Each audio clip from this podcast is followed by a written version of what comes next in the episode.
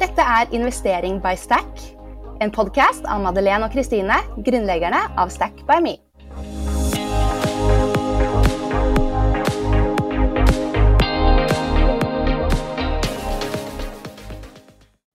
Podkasten er sponset av 247 Office, som er favorittregnskapssystemet vårt.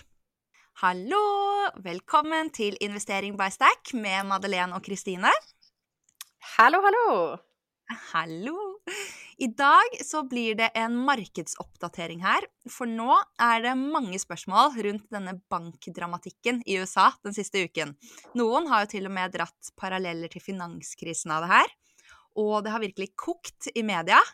Så Maddy, kan ikke du begynne med å forklare lytterne litt om hva som skjedde hos eh, Silicon Valley Bank? Denne ja, banken da, som har blitt overtatt av den amerikanske staten her nå denne uken? Ja, det er jo eh, mange som sier at dette minner om finanskrisen på mange måter. Men jeg føler alle som sier det, er også veldig tydelige på at det er også veldig store forskjeller.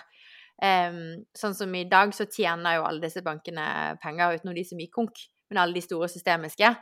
Og akkurat Silicon Valley Bank, som ble tatt over Banker kan ikke gå konkurs, de blir satt under administrasjon. Eh, så de har jo på en mm. måte La oss kalle det godt konkurs. Eh, de var jo en teknologifokusert bank. Eh, og de ga jo lån til tidligfaseselskaper som tradisjonelle banker ikke ville ta i. Så det var jo i utgangspunktet en høyrisikobank, uh, selv om det var en av USAs 20 største banker. Um, vi kaller det for en nisjebank og sånn småbank og sånn, men uh, for å gi litt kontekst, da, så, så, var det en større bank enn Danske Bank. som er en av de største i Norden. Ja. Uh, men i amerikansk kontekst, da, så var de jo liksom på topp sju-listen, men ikke så store. Um, ja, en nisjebank, ja. Veldig spesialisert mot uh, startups. Ja, og WC-fond og rike engleinvestorer. Mm. Så de aller største bankene Eh, de systemiske bankene som på en måte skapte finanskrisen, eh, de har jo i dag mye mer diversifiserte kundebaser. Eh, og også mer diversifiserte finansieringskilder. Det som var litt spesielt med SVB, da, altså Silicon Valley Bank, det var at de hadde veldig mye innskudd. Mm. Og, men hva er problemet med å ha mye innskudd? Fordi det er jo det bankene ønsker. Sånn at, eh, for da er det jo veldig vanlig at de har innskudd, og så bruker du dette til å låne det ut igjen. Ja, vanligvis. ja, men det skiller seg kanskje ut nå? Ja, for på teknologiselskaper, ikke sant, de henter jo masse penger og skal helst ikke ha så mye gjeld. Mm. Så i og med at de var fokusert på et segment da hvor det var litt sånn mayhem og man fikk hentet helt sykt mye kapital, så skulle jo de plassere det et eller annet sted. Så fra og med 2020 så bare skjøt innskuddene til Silicon Valley Bank i været. Og eh, de fikk ikke lånt ut alle pengene, eh, så da måtte de plassere de pengene ikke sant, i et eller annet. Og da er det vanlig å kjøpe Det er faktisk påkrevd å kjøpe trygge statsobligasjoner. Eh, men mm. det de gjorde for å tjene liksom en ekstra krone, eh, det var jo å ehm, ta litt for lang løpetid.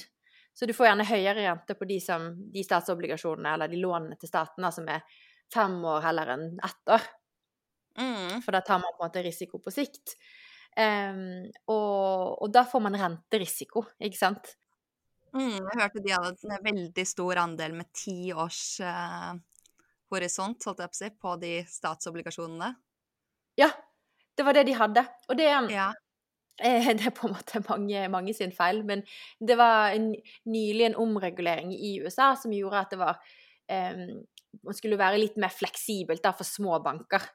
Eh, og blant annet da, så fikk de jo lov til å ha en større andel i på en måte lengre sånn hold to maturity, da. At man skal holde obligasjonen til den faktisk låneperioden er over, da. Og da mm. staten betaler jo tilbake igjen pengene. Så, så, det er jo ikke egentlig liksom risiko på stat eller kommune som denne typen papirer eh, som er problemet her. Det er veldig lav risiko, men det er denne renterisikoen. Eh, fordi det som skjer med den typen obligasjoner som har fast rente, typisk, i USA I Norge er det mer flytende rente, så du har ikke like stor renterisiko. Eh, men i USA så har de fast rente, og når da den alternative renten stiger, som den har gjort masse i det siste. ikke sant? De har jo økt renten mhm. fra null til eh, Jeg husker ikke hva den er på nå, men den er i hvert fall liksom på sånn 4-5 Mm. Så stuper jo verdien på de som har låst fastrente på liksom 0 til 1 i verdi, ikke sant? For da, da er det jo ingen som vil kjøpe de. Da Nei. kjøper man jo heller de nye til 4-5 um, Så det er litt sånn omvendt forhold der, og det var det som skjedde. Ikke sant? De eh, fikk mye på grunn av teknologisektoren som sliter om dagen. Eh, det er ikke like lett å hente kapital, så nå begynner på en måte selskapene å bruke den kapitalen de har de hentet fra 2020 og til i dag, um, og tærer på en måte på innskuddene. Um, og det kom ikke inn nye penger. Så da måtte jo, for å kunne på en måte gi penger tilbake til kundene sine, da, så måtte jo de begynne å selge obligasjoner. Og da hadde de en Mm. veldig liten portefølje av kortsiktige obligasjoner. Um, og så måtte de begynne å ta av denne her holdt til forfall. Og der hadde de store tap. og så Mm. og så, eh, Det som var litt klønete, da, kan man jo si, var jo at de rapporterte dette her til markedet på en veldig klønete måte. Ehm, så de liksom bare sendte ut en melding og sa sånn Ja, basically, nå, nå er banken litt dårlig stilt, så vi må begynne å selge obligasjoner med tap. Punktum. Uh. Og Ja, i Silicon. Valley Bank Ja. Så jeg tror de skulle gått på sånn kommunikasjonskurs. Eh, eh, ja, for da tenker jo alle bare sånn Oh no! Nå Ja. Hva gjør man da? Yes, det var akkurat det som skjedde. Fordi Ja. eh, rundt 90% av kontoene i Silicon Valley Bank det var jo veldig store innskudd. ikke sant? Det er selskaper som har hentet masse kapital. Og da er det jo over dette minstebeløpet som egentlig er forsikret. Så du, du hadde masse uforsikrede penger som man risikerte å tape hvis ikke man fikk de ut før det var for seint. Eh, og Mm. det endte jo da med at ja, WC-er, altså de som eide disse tech-selskapene, sånn, sendte ut meldinger til porteføljeselskapene og sa sånn herre Ta ut pengene deres! Og jeg tror det var 40 milliarder dollar som ble tatt ut på én en eneste dag. Å, shit.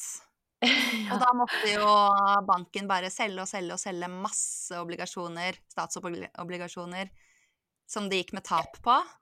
ja, og til slutt så var egenkapital helt wipet ut. Ja. Og uh, dette er jo da et klassisk, det man kaller for bankrun. Ja, ja, forklar gjerne liksom. Bankrun er jo et begrep som bare har florert, holdt jeg på å si, eh, de siste dagene. Som jeg føler Det er jo- eh, er liksom Ja, at alle bare Man hører det jo litt på ordet, da. ja, hva gjør det? Det er jo bare rett og slett det at det skapes frykt. Så hele grunnen til at de gikk konkurs eller ble tatt under administrasjon, var jo frykten for at de skulle gå konkurs. Sånn at jo flere som tok ut pengene, jo større ble problemene. Mm. Så ja. Siden dette også ble litt hypet opp av WCR, og det var såpass konsentrert eh, kundemasse, så ble jo til slutt da banken tatt over av amerikanske myndigheter. Mm. Det er, det er skummelt, ass. Det er sånn, fordi den ballen begynner å rulle så ekstremt fort når frykten sprer seg, og alle begynner å ta ut, og da må de selge mer og mer og tape mer og mer, og da skal alle liksom Ja, det er utrolig hvor, uh, hvor fort det går, da. Og så var det dagen etter, eller ja, jeg vet ikke, hvor da se, sentralbanken eller myndighetene eller ja, gikk ut for å garantere innskudd, men hadde de kunnet gjort det tidligere for å stoppe det, på en måte? At alle skulle ta ut Eh, pengene sine? De var jo veldig raske eh, til å gjøre det, faktisk. Eh, så det får de jo mye skryt fra. De hadde okay. liksom playbooken litt klar fra finanskrisen, for da brukte de jo mye tid på å finne ut hvordan det var de skulle hjelpe. Ja. Um, og både i USA og UK så gikk det jo ikke liksom, mange dagene før de bare sa vi har garantert alle innskudd, også de over den forsikringssummen som er I Norge har vi, er det vel to millioner per bank som er i Ja. bankens sikringsfond. Eh, I USA er det vel sikkert noe samme. Men de garanterte alt, også over det. Eh, og så satte Ja. de opp et nødfond til banker som trenger likviditet, hvor de kan låne penger i et år heller da enn å selge treasury bonds. Så de på en måte de tar tilbake en treasury bondsene som sikkerhet, da, og så får de et lån med cash tilbake igjen, uten, uten å måtte selge de eh, lånene da, med tap. Um, så Og i UK også var det jo Fordi Silicon Valley Bank sitt balanse, altså sånn utlånsbalanse og egenkapital er jo forskjellig i USA og UK. Men siden de hadde problemer i USA, så fikk jo de bankrun i UK også. Og da gikk det heller ikke mange dagene før myndighetene i, i Storbritannia bare gikk ut og liksom sa vi kjøper greien og garanterer for det hvis ingen andre gjør det. Og så kom det jo en del bud, og så endte det vel med at det var HSBC, da, som er en av de største bankene i, i UK, eh, som kjøpte det for én pund. Med garanti, da, for at alle får pengene Ja. sine. Ja. Så Ja. Nei. Det er litt av, noen, litt av en uke, da, for de som sitter på Sitter på Ja, både de som sitter med pengene sine der, og spesielt tenk å jobbe i den banken. Eller være i styret i den banken. Ja, de har jobbet litt eh, nå siste uken. det har de. Så, men Ja. siden dette var en nisjebank med en veldig spesiell situasjon, konsentrert mot tech, store innskudd, høy renterisiko, eh, så ser ikke jeg for meg, og ingen jeg på en måte har hørt på podcaster av eller lest artikler av eksperter og sånn, ser for seg at dette her vil spre seg. Ja, fordi hvordan er det liksom Hvordan er det med vanlige banker, da? De låner på en måte ut en mye større del av eh, innskuddene. Og, men de har også litt statsobligasjoner ofte, eller er det på en måte veldig spesielt å ha det? Altså, i Norge så er det vanlig å låne ut mer enn du har i innskudd. Ja, så det er på en måte risikoen motsatt. ikke sant? De låner penger for å kunne låne ut mer. Ja. Så, så det, er, det var, var en veldig spesiell eh, setup. Eller annerledes, da. Eh, Mm. Ja, nei, så jeg skjønner. Men eh, var det flere Det var flere, noen flere banker det var snakk om også? Ja, det eh, var to banker. Mm, det var to banker til som var involvert i lån til blockchain og kryptoselskaper. Silvergate var en av de. Eh, og den ble lagt frivillig ned.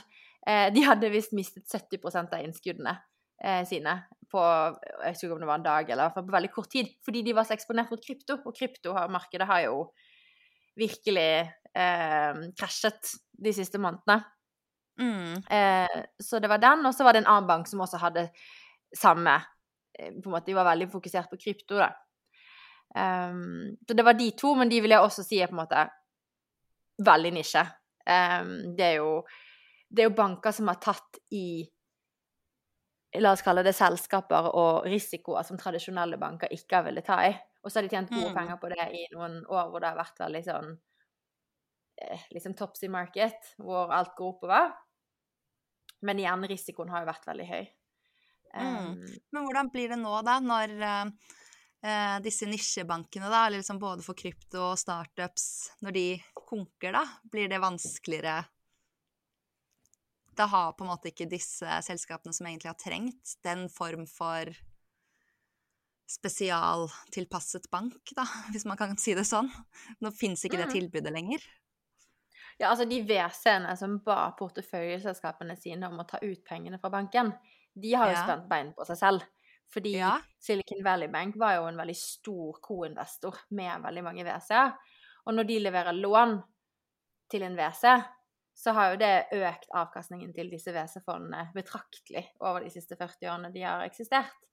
Mm. Um, og jeg så sånn oversikt over uh, hvem som har co-investert eller investert etter at Silicon Valley Bank har vært inne, eller i hvert fall hatt en link til Silicon Valley og nytt godt av det tilbudet de har hatt. Og det var sånn typ alle de største V-selskapene i, i USA. Så Mm. de har jo virkelig hatt sin funksjon, men i og med at de er under administrasjon, så de er jo ikke lagt konkurs, så driften fortsetter jo. Ja, så kan det fremdeles være muligheter. Hvis folk begynner å bare sette pengene tilbake igjen, da. Ja, men det er vel eh, Det må vel komme en kjøper først, før folk tør det, vil jeg tro. Ja. Uh, men det får vi jo bare se. Ja. Um, Time will show. Men hva med den eh, Kreditt Susi eh, Susis Credit Swiss! Swiss! uh, yes, det var det jeg prøvde å si. Der skjer Ja. det også litt forskjellig. Ja, herregud, den aksjekursen stupte var det 24% på en dag. Og det, det er jo faktisk en vanlig bank. Ja, Um, og det Eller ja, nei, bare at aksjekursen um, svingte. Det så jo vi i appen også, i Stack-appen. På fond, liksom. Det var helt uh, utrolige svingninger disse dagene her. Men uh, ja.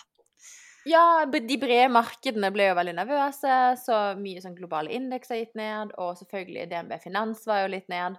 Um, men um, selvfølgelig, de store bankene var jo ikke like mye ned som Silicon Valley Bank, for den gikk jo 100 ned. Um, ja. Der var det mer sånn type 9, ja, 7, 4 uh, Ja, på en måte. Det er mye, da, på en dag, eller på en uke, for en bank. Uh, mm. Men Credit Suisse, som falt 24% på en dag, det er jo ekstraordinært for en type, i hermetegn vanlig bank. Men de har jo slitt mye i det siste eh, pga. manglende lønnsomhet. Eh, banken i seg selv, den går bra. Så innskuddsbusinessen og den sveitsiske banken Det de ville gjøre, var jo på en måte å satse mer på meglerhusvirksomhet, fordi det er jo veldig lønnsomt for Goldman Sachs og mange av de andre store. Men der har de gjort noen blemmer og tapt mye penger. Um, så det er jo egentlig den delen av banken som sliter. Så derfor så kom jo sveitsiske myndigheter ut da i Det var i går, 16. Eh, mars. Vi er nå fredag 17. mars. Og ga banken et lån på 50 milliarder franc. Så da er jo også de reddet. Men de må nok jobbe med lønnsomheten sin og restrukturere fremover. Um, ja, for det lurte ja. jeg veldig på. 50 milliarder eh, eh frank da. Er det, det er ca. samme som eh, dollarkursen ish euro eh, ganger ti, ikke sant? Eller sånn Er det nok? Eh, eller hvor, hvor, mye penger er egentlig det for en så stor bank? For jeg var sånn Er det liksom ja, 10 av det de trenger, eller kan det faktisk redde dem? Det vet jeg ikke, men aksjen steg iallfall 30% på en dag når nyheten om denne lånet ja. kom. Så markedet var iallfall veldig positivt til at det kunne være en løsning. Ja. Ikke sant. Uh, ja, nei, det er, uh, det er sykt vanskelig, da. Men uh, så er det jo alt dette her Det blir jo også masse diskusjoner og spekulasjoner, og får vi finanskrise nummer to, og hva tror du? Jeg tror ikke det. Um, igjen fordi dette kommer jo av litt sånn spesielle nisjebanker, og, og, en bank som har slitt lenge før SVB gikk, gikk konk. Mm. Um, problemene her har jo vært for løs regulering på små banker i USA. Det problemet har vi ikke i Europa. Der er reguleringen samme på tvers av størrelse på banken.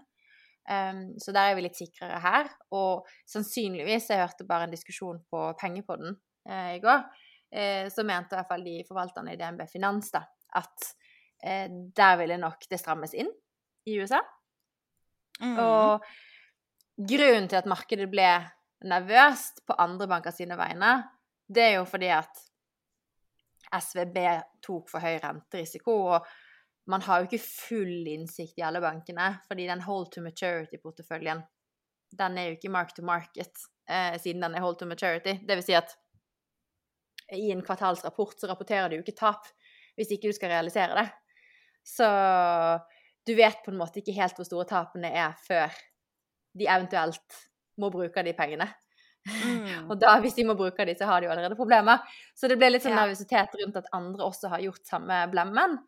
Men nå er det jo veldig spesielt for en bank å ha så mye innskudd i forhold til utlån. Um, så ja, det er det. Ja. Og, og, og, uansett, de større systemiske bankene, de har ikke anledning til å ta den typen renterisiko. De er strengere regulert. Mm. Ja, nei, det blir på det, så tror ikke jeg, og det trodde heller ikke de DNB-finansanalytikerne. Og her ser jeg også at eh, Robert Ness i, um, i Nordea er ute på TV 2-nyhetene og melder at han tror heller ikke det blir noen ny, eh, noen ny finanskrise, men eh, fordi banker generelt går bra. Så det, det, er mm. mange eksperter som mener at dette her Nå har myndighetene reagert godt, og det er ikke noen systemisk Eh, det er ikke et systemisk problem på samme måte som i 2008. Ikke sant. Man blir jo veldig stresset da, av uh, media som uh, det, er liksom, det er jo eksperter ute uh, her og der, og de villeste overskriftene, og man bare Åh! Når det står på. Men Men Ja. Til de som lar seg påvirke av overskrifter i ja. DN og Finansavisen, så anbefaler jeg Holberg-grafene. Fordi ja. De er jo jevnlig ganske overdrevet. Ja. Ja, det var sånn Jeg leste en som var sånn her eh, Megakrise, megakrise. Og så var det bare sånn Nå var nivåene tilbake til eh, Har ikke vært så lavt siden desember 2022. Så jeg bare Nei. Det Som er sånn to og en halv måned siden. Ja, det går sikkert fint, liksom. Men eh, ja, så Men jeg skjønner Det er jo det Media skal jo ha kliks, liksom. Men Ja. eh, det, det gjelder å holde hodet kaldt og holde seg til strategien sin, da. Men uh, Ja, men de ja, se, det store, se det store bildet, da. Og det er jo veldig kult, fordi uh, det er vel neste episode blir jo med Cecilie Ystnes Myhre, som er mentaltrener i, um, i Raw Performance. Vi skal snakke litt om det, hvordan å holde hodet kaldt når det er Ja. mm, Ja, det gleder jeg meg til. Det tror jeg blir veldig bra. Men eh, hva er så implikasjonene for markedet nå, da? Tror du? Ja, eh, altså Det som skjedde med det her, var jo at eh, renteforventningene gikk ganske mye ned. Em, fra å liksom tro Altså at markedet tror at sentralbanken skal sette opp renten maks liksom flere ganger fremover neste året, så ble folk litt mer sånn Nei, det kan de jo ikke gjøre. Nå er jo økonomien altfor skjør. De kommer sikkert ikke til å sette opp renten, typ.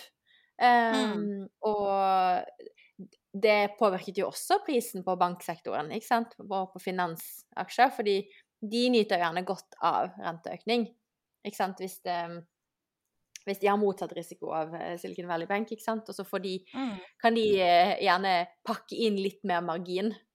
Eh, når rentene stiger, så er det sånn Å, sorry, liksom renten har steget, så vi må stige på utlån også, og så legger de på litt i tillegg. Ja. Eh, og så tar de gjerne og tar inn mer i rente fra lånene sine raskere. Det er de veldig raske med, men på innskudd så er de sånn Ja, nå får du økt rente på innskuddskontoen din om et halvt år! Ja. Typisk. Så det, bankene pleier å tjene godt på et stigende rentemiljø. Eh, men nå økte jo ECB plutselig renten, det var vel her i går eller forgårs. Litt sånn uventet uh, mye, Uh, sto det i hvert fall på DN. Uh, så Og jeg, som sagt, tror jo ikke at dette er systemisk. Så når markedet har roet seg, så går kanskje renteforventningene opp igjen. Det blir spennende å se. Og i så fall så vil jo eh, bank som sektor type gå opp igjen. Og ikke nødvendigvis, Du trenger jo egentlig ikke at renteforventningene går opp engang. Bare det at frykten som nå på en måte har utspilt seg siste uken, roer seg, Mm. eh, vil jo føre til at bankaksjer skal opp igjen. Så nobody knows eh, hva som kommer til å skje. Um, man kan jo på en måte si at alle Kan det være at alle nå kommer til å være litt forsiktige i tilfelle det er flere banker med skjeletter i skapet. Eh, men på den annen side så var jo myndighetene veldig raske og effektive ute med å dempe frykten. Så sånn sett så skulle man tro at aksjekursene ville gå, om i hvert fall ikke helt så i hvert fall noe opp igjen. Så personlig kjøpte jeg litt mer DNB Finans her om dagen. Eh, men jeg liker jo å ta litt høy risiko, da. Hva, hva tenker du, Kristine? Sa du? Ja. Jeg så det på feeden min i appen at uh, du hadde vært og kjøpt litt mer, så da Nei, jeg vet ikke, ass. Jeg, jeg blir jo superusikker og veldig påvirket av media og alt sånt, så man blir jo liksom Ja, usikker, men uh, men eh, det hjelper at du er veldig rolig, og det er jo Er det ikke han godeste Warren Buffett som sier at eh, 'be fearful when others are greedy, and greedy when others are fearful'? At liksom når, når det er frykt i markedet, da og aksjekursene dropper, det er kanskje et godt tidspunkt. Så Det er det han sier. ja, det er det. Så jeg tror jeg skal eh, Kanskje jeg må kjøpe litt mer finans, jeg òg, da. Ja. Eh, eller eh, så skal jeg også Fordi private equity-fondet til Carnegie, som vi snakket Ja. med på webinar i går, det var jo også en del ned. Um, og det har Så ikke det vært så mye opp. Ja, som finans. Uh, finans har jo hatt en skikkelig run. Jeg tror det fondet mitt fortsatt er opp 27 selv etter, eh, selv etter fallet nå. Mm. Uh, sånn at eh, eh, Ja, jeg, jeg skal se litt på det også. Der har jeg ikke tatt Ja. noen beslutning ennå, men jeg skal se litt på private equity, for jeg er ganske bull på den sektoren også. Ja, jeg skal følge med på feeden min hva du gjør, og så følger jeg. Men ja Skal vi avslutte Nå har vi jo vært litt gjennom de hovedtemaene som vi tenkte å snakke om, men vi pleier jo å avslutte med en eh, oppfordring. Vi, vi har jo to veldig aktuelle kampanjer gående nå, da, som vi kanskje kan rett og slett eh, oppfordre og informere litt om. For den ene er jo Krafttak mot kreft. Det er bare no noen dager igjen av den kampanjen nå. Eh, men vi i Stack er jo superglade for å være støttespiller til denne kampanjen, fordi eh, både det at nordmenn er jo veldig i verdenstoppen når det gjelder donasjon, og eh, av ti nordmenn har gitt støtte til humanitære organisasjoner, så det er veldig vanlig å gjøre det. Så vi syns jo at det da passet veldig bra eh, å kunne gjøre i Stack-appen, og vi var keen på å teste ut dette som et prosjekt, da. Så um, nå eh, Fordi det som er veldig kult, er jo at du kan få Når man da donerer, så syns jo vi at det er på sin plass at dette også skal ligge i stacken din, da, på profilen. Så det kan man nå gjøre i appen. At du rett og slett kan legge til en donasjon eh, når du skal sjekke ut av handlekurven. Så vi håper jo at så mange som mulig vil være med og støtte opp om denne viktige kampanjen, da. Mm. Veldig viktig, så jeg har allerede donert litt. Eh, Ja. Men det, og den andre kampanjen er jo at vi akkurat har startet påmelding til en ny runde med investeringskurs. Ja! Eh, det blir jo da et treukerskurs med to sessions hver uke. Hvor vi lærer deg alt du trenger for å komme i gang. Sette opp en bra portefølje som passer for din økonomi, dine mål, din risikovillighet. Eh, og så hjelper vi deg med å lage en langsiktig plan. Det kommer Mhm. også i opptak, så du trenger ikke være med live hver uke. Eh, men eh, Og så kommer det med en coaching session i tillegg. Um, så um, jeg håper at alle Mhm. som både kan være med på alt, og som kan se det i opptak, blir med på det. Der kan man bruke rabattkoden STACK40, eh, så får man 40% rabatt. Ja, det er ut denne uken her. Det, Mm. det er jo begrensede plasser, men vi håper jo at vi får plass til At det blir en veldig fin gruppe, da. Vi hadde jo en runde i høst som var en kjempefin gjeng. Så vi gleder oss skikkelig til å bli kjent med alle. Og all info da er jo på nettsiden vår, eh, stackby.me, og også masse info på Instagram. Så ja. Bli med! Masse som skjer. Men eh, herlig, skal vi si det sånn? Det gjør vi. Ja. La oss rappe opp det, så høres vi. Ja, det gjør vi. Ha det. Ha det